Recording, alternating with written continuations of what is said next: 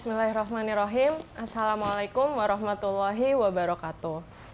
Uh, halo teman-teman, kembali lagi di channel Said Hussein di program Fit Your Faith dengan tema keutamaan mempelajari Al-Quran.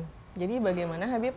Bismillahirrahmanirrahim. Alhamdulillahirrahmanirrahim. Wassalamualaikum ala Muhammadin wa alihi wa sahbihi ajma'in. Kita sudah membahas tentang membaca ya. Al-Quran. Sekarang kita mau masuk tentang tadabur atau mempelajari Al-Quran. Dalam kitab Syu'aib Al-Iman lil Baihaqi, kitab Imam Baihaqi, juz 2 halaman 556 Maktabah Syamilah cetakannya. Qala Rasulullah sallallahu alaihi wasallam, "Asyrafu ummati hamalatul Quran wa ashabul lail." Nabi bersabda, paling mulianya umatku adalah mereka yang bangun di waktu malam dan mempelajari Al-Quran. Jadi dua, yang bangun di waktu malam artinya yang mendirikan malam, yang menghidupkan malam sembahyang tahajud atau orang yang mempelajari Al-Quran lebih double lagi membaca Quran dua di sini. Asyrafu ummati hamatul Quran wa ashabul lail. Yang bangun di waktu malam dan mempelajari Al-Quran. Jadi dua. Semulai-mulainya umatku. Dalam kitab Ustaz Ahmad juz 5 eh, halaman 251 Maktabah Syamilah qala Nabi sallallahu alaihi wasallam ta'allamul Quran fa innahu syafi'un yaumal qiyamah Nabi bersabda, pelajarilah Al-Quran karena sesungguhnya dia akan memberikan syafaat pada hari kiamat. Ada muhakik atau peneliti atau pengedit. Imam Shu'aib Al-Arnaud. Dia berkata, Kala hadisun sahih. Hadis ini sahih. Rijaluhu siqat. Semua perawinya terpercaya. Rijalu syekhen. Semua perawinya perawi dua tuan. Itu Imam Bukhari dan Imam Muslim bahwa Al-Quran nanti akan memberikan syafaat selain Allah semua makhluk. Makanya tangan makhluk ini semuanya ini makhluk. Al-Quran adalah makhluk dia bisa memberi syafaat nanti ketika di akhirat. Kalau Rasulullah Shallallahu Alaihi Wasallam Al-Quran afdalu kulli syai'in dunallah. Al-Quran adalah paling mulia segala sesuatu setelah Allah atau kecuali Allah atau setelah Allah. Paling mulia segala sesuatu. Nomor satu itu adalah Al-Quran ya. Kalau Allah udah nggak nggak usah disebut Faman waqqara al-Qur'an faqad waqqara Allah. Barang siapa menghormati Al-Qur'an, dia telah menghormati Allah. Wa man lam yuwakkiril Qur'an faqad istakhaffa bihaqqillah. Dan dan barang siapa yang tidak menghormati Al-Qur'an, maka dia telah melecehkan atau meremehkan, mengecilkan kemuliaan Allah. Makanya nggak main orang yang menghormati Al-Quran, berarti menghormati Allah. Makanya kenapa kita harus mempelajari Al-Quran? Supaya menghormati Allah. Makanya Makanya saya mengajarkan murid-murid saya itu siap taklim kan nggak boleh ada yang telat. Nggak bisa datang harus izin. Harus on time. Ya kan kenapa ini Al-Quran. Kalau Anda sudah nggak muliakan Al-Quran, terus apa yang Anda mau muliakan? Makanya wajibnya pentingnya membaca dan mempelajari Al-Quran. Kenapa? Anda telah melecehkan kemuliaan Allah. Anda berhadapan bukan sama kita para guru. Anda berhadapan dengan langsung pemilik Al-Quran itu sendiri. Nabi bersabda, jika kalian menginginkan kehidupannya orang yang bahagia, kamu mau nggak hidup orang yang bahagia, kata Nabi. Kematiannya orang yang disyahid, matinya orang syahid. Keselamatan di hari kebangkitan, naungan di hari yang sangat, sangat panas, dan petunjuk dari kesesatan. Mau nggak? Mau. Kita tanya sama Nabi, apa ya Rasulullah? Kata Nabi apa? Maka pelajarilah Al-Quran. Sungguh dia adalah perkataan Ar-Rahman. Pelajari, bukan baca. Pelajari penjagaan dari setan dan yang memberatkan timbangan kebaikan di mizan nanti ketika amal kita ditimbang nanti yang memberatkan apa dengan mempelajari Al-Quran. Difahami ya? Iya. Nabi bersabda didiklah adibu dengan keras berarti. Ajari didik anak-anak kalian atas tiga perkara. Satu cinta pada Nabi kalian. Terus cinta sama Rasulullah dia ngasih syafaat nanti. Kita, dia ngasih kita siapa ada masalah bertawasul ke Nabi. Nabi sumber rahmatan dan alamin dia kekasih Allah. Kita mau mau meraih keridhaan Allah melalui kekasihnya. Yang kedua cinta kepada keluarga Nabi nya siapa? Keluarga Nabi ini yang selalu kita salawati. Allahumma salli ala sayyidina Muhammad wa ala ali sayyidina Muhammad. Dalam sholat itu kan ya Allah sampaikanlah salawat pada Nabi Nabi Muhammad dan keluarga Nabi Muhammad. Cinta kepada keluarganya. Saya cinta sama si fulan Pasti kalau saya cinta fulan, saya harus cinta sama yang dia cintai. Bagi ini keluarga Nabi Muhammad. Yang ketiga, dan membaca Al-Quran. Karena yang mempelajari Al-Quran pada dalam naungan Allah pada hari yang tidak ada naungan kecuali naungannya. Bersama para nabi dan hamba-hamba pilihan. Difahami nggak? Jadi apa? Yang mempelajari Al-Quran nanti apa? Di, di dalam naungan Allah bersama para nabi dan hamba-hamba pilihannya. Pa- Para orang soleh, nabiyin, orang siddiqin, orang syuhada dan salihin dan semuanya. Rasulullah bersabda, "Khairukum man ta'allamal Qur'an wa 'allamahu." Sebaik-baik kalian kata Nabi adalah orang yang mempelajari Al-Qur'an dan yang mengajarkannya. Siapa sih orang paling mulia di alam ini? Yang mempelajari Al-Qur'an dan yang mengajarkannya.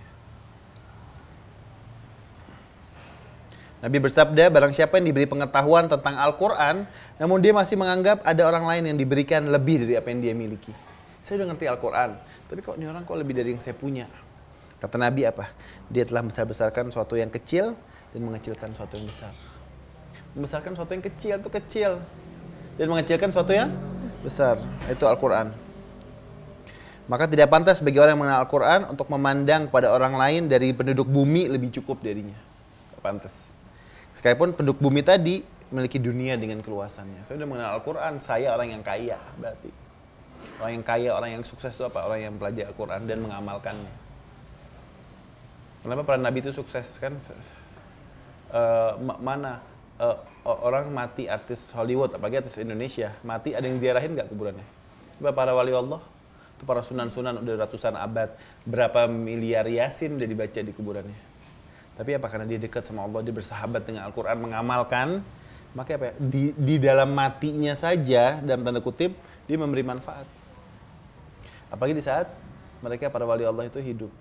Semua orang yang buka restoran, buka hotel, buka semuanya, buka travel, apa ziarah ke wali-wali semuanya laku. Ya kan?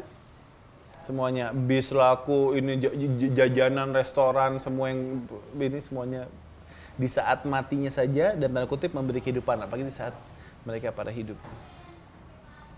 Jadi nggak boleh kita mandang apa kok dia lebih dari kita. Mungkin apa titelnya atau hartanya dan semuanya tidak pantas. Nabi bersabda tidak ada seorang pun setelah mengenal Al-Quran mendapat mis- kemiskinan. Gak pernah miskin yang mengenal Al-Quran.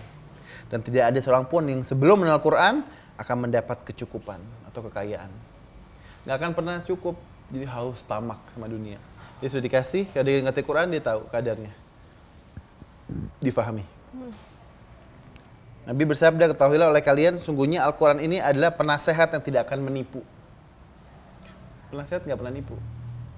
Penasehat yang tidak pernah menipu Al-Quran itu. Petunjuk yang tidak akan menyesatkan. Jelas. Kita mau ke mana? Mau ke satu tempat kita nggak tahu jalannya, kita lihat dari maps kan. Suka, suka sesat nggak mapsnya? Kadang-kadang sesat, ya kan? Kok ke sini kok malah disuruh muter-muter dulu misalnya. Tapi pa- pada akhirnya nyampe kan? Ada nggak? Kadang-kadang kalau di- kalau dia lagi benar ya benar. Itu di dunia bagi di akhirat gitu. Makanya butuh pentingnya di dunia dan di akhirat. Petunjuk tidak akan menyesatkan, pembicaraan tidak akan berbohong, nggak pernah berbohong Al-Quran itu. Pasti semua akan terjadi semuanya. Tidak ada seorang pun yang duduk di majelis mempelajari Al-Quran, melainkan dia berdiri di majelis itu dengan keadaan bertambah atau berkurang. Bertambah dalam petunjuk dan berkurang ketidaktahuannya.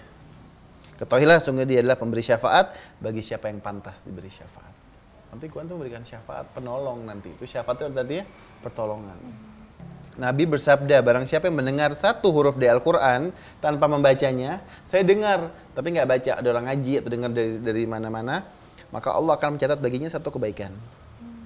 Dan menghapus darinya satu keburukan dan mengangkat satu derajat. Dikasih satu kebaikan, dihapus satu keburukan, diangkat satu derajat. Barang siapa yang membaca dengan melihat tanpa bersuara. Saya baca, kan melihat kan, tapi tidak bersuara. Maka Allah akan mencatat baginya setiap huruf satu kebaikan. Menghapus darinya satu keburukan, diangkat satu derajat. Itu membaca satu. Di sini Nabi melanjutkan dan barang siapa mempelajari satu huruf darinya, maka Allah akan mencatat baginya setiap huruf sepuluh kebaikan. Tadi kalau membaca satu ini sepuluh. Mencatat baginya setiap huruf sepuluh kebaikan, menghapus darinya sepuluh keburukan, dan mengangkat sepuluh derajat. Kemudian kata Nabi apa? Aku tidak mengatakan setiap ayat, akan tapi setiap huruf. Jadi kayak Bismillahirrahmanirrahim, jadi baknya, sinnya, mimnya. Setiap hu- huruf, bukan ayat. Kalau baca satu, tapi kalau pelajari sepuluh. Dalam kitab Musnad Ahmad Ibn Hambal jilid 17 halaman 170 hadis nomor 1100 nomor 11104 terbitan Muassasa Ar-Risalah cetakan kedua tahun 2008 Masehi atau 1429 Hijriah. Kitab ini ditahkik atau diteliti atau diedit atau dikomentari oleh uh, Imam Syuaib Arnaud. Telah menyampaikan kepada kami Aswad bin Amir telah menyampaikan kepada kami Abu Israel yakni Ismail bin Abi Ishaq Al-Ulmulaini dari Atiyah yang berkata dari Abi Sa'id yang berkata bahwa Rasulullah pernah bersabda, sungguh telah, telah aku tinggalkan untuk kalian dua pusaka saka lain dalam sigah lain khalifatain yaitu dari keduanya lebih besar daripada yang lain. Yaitu kitabullah tali yang terbentang dari langit ke bumi, ke bumi dan itrati ahlul baiti dan itrahku ahlul baitku sungguh keduanya tidak akan pernah berpisah hingga menjumpaiku di telaga antara Al-Quran dan itrah ahlul bait Nabi jadi dua-duanya selalu akan berbarengan disebutnya modul dan model Imam Syuaib Arnaud berkata hadisnya sohe dengan banyaknya bukti. Hadis ini sohe dan banyaknya bukti. Makanya Nabi bersabda pada para sahabat-sahabatnya yang mulia, bukankah aku lebih utama dari diri kalian sendiri? Oke, kata Allah di Quran, Nabi itu lebih utama dari diri kalian sendiri. Nabi awla bil mu'minina min anfusihim. Makanya bukankah aku lebih utama dari diri kalian sendiri? Sahabat menjawab, benar ya Rasulullah. Nabi bersabda, sesungguhnya aku akan tanyakan pada kalian tentang dua hal, yaitu Al-Quran dan itrahku nanti di akhirat. Dipertanya oleh Allah, gimana Al-Quran, gimana keluargaku dan lain sebagainya. Saya pikir itu ya kajian kita. Alhamdulillahirrohmanirrohim. Terima kasih Habib Hussein dan terima kasih pada teman-teman yang sudah menonton. Jangan lupa di like, share, dan subscribe. Dan kalau ada pertanyaan boleh komen di bawah. Insya Allah akan dijawab pada episode berikutnya. Assalamualaikum warahmatullahi wabarakatuh.